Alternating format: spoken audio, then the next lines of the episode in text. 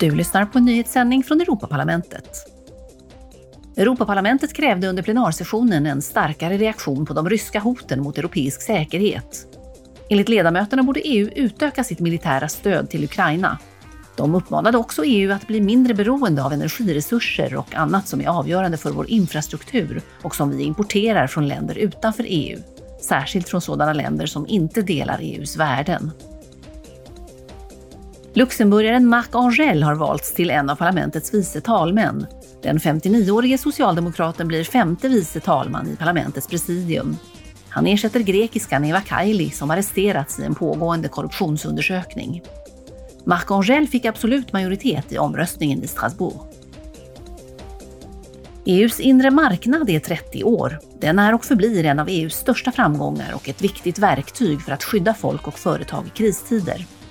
Under plenarsessionen antog parlamentet en text som tar upp den inre marknadens största utmaningar idag.